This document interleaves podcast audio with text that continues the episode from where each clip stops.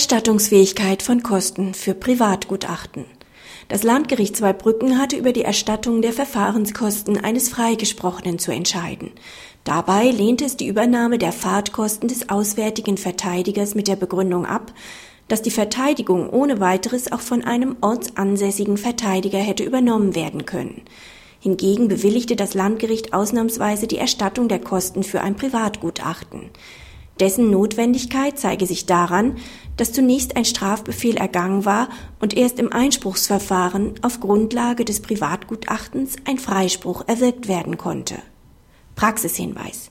Die Entscheidung zeigt, dass die Erstattung von Verfahrenskosten nach Freispruch restriktiv gehandhabt wird und die Notwendigkeit besonderer Auslagen stets sorgfältig begründet werden muss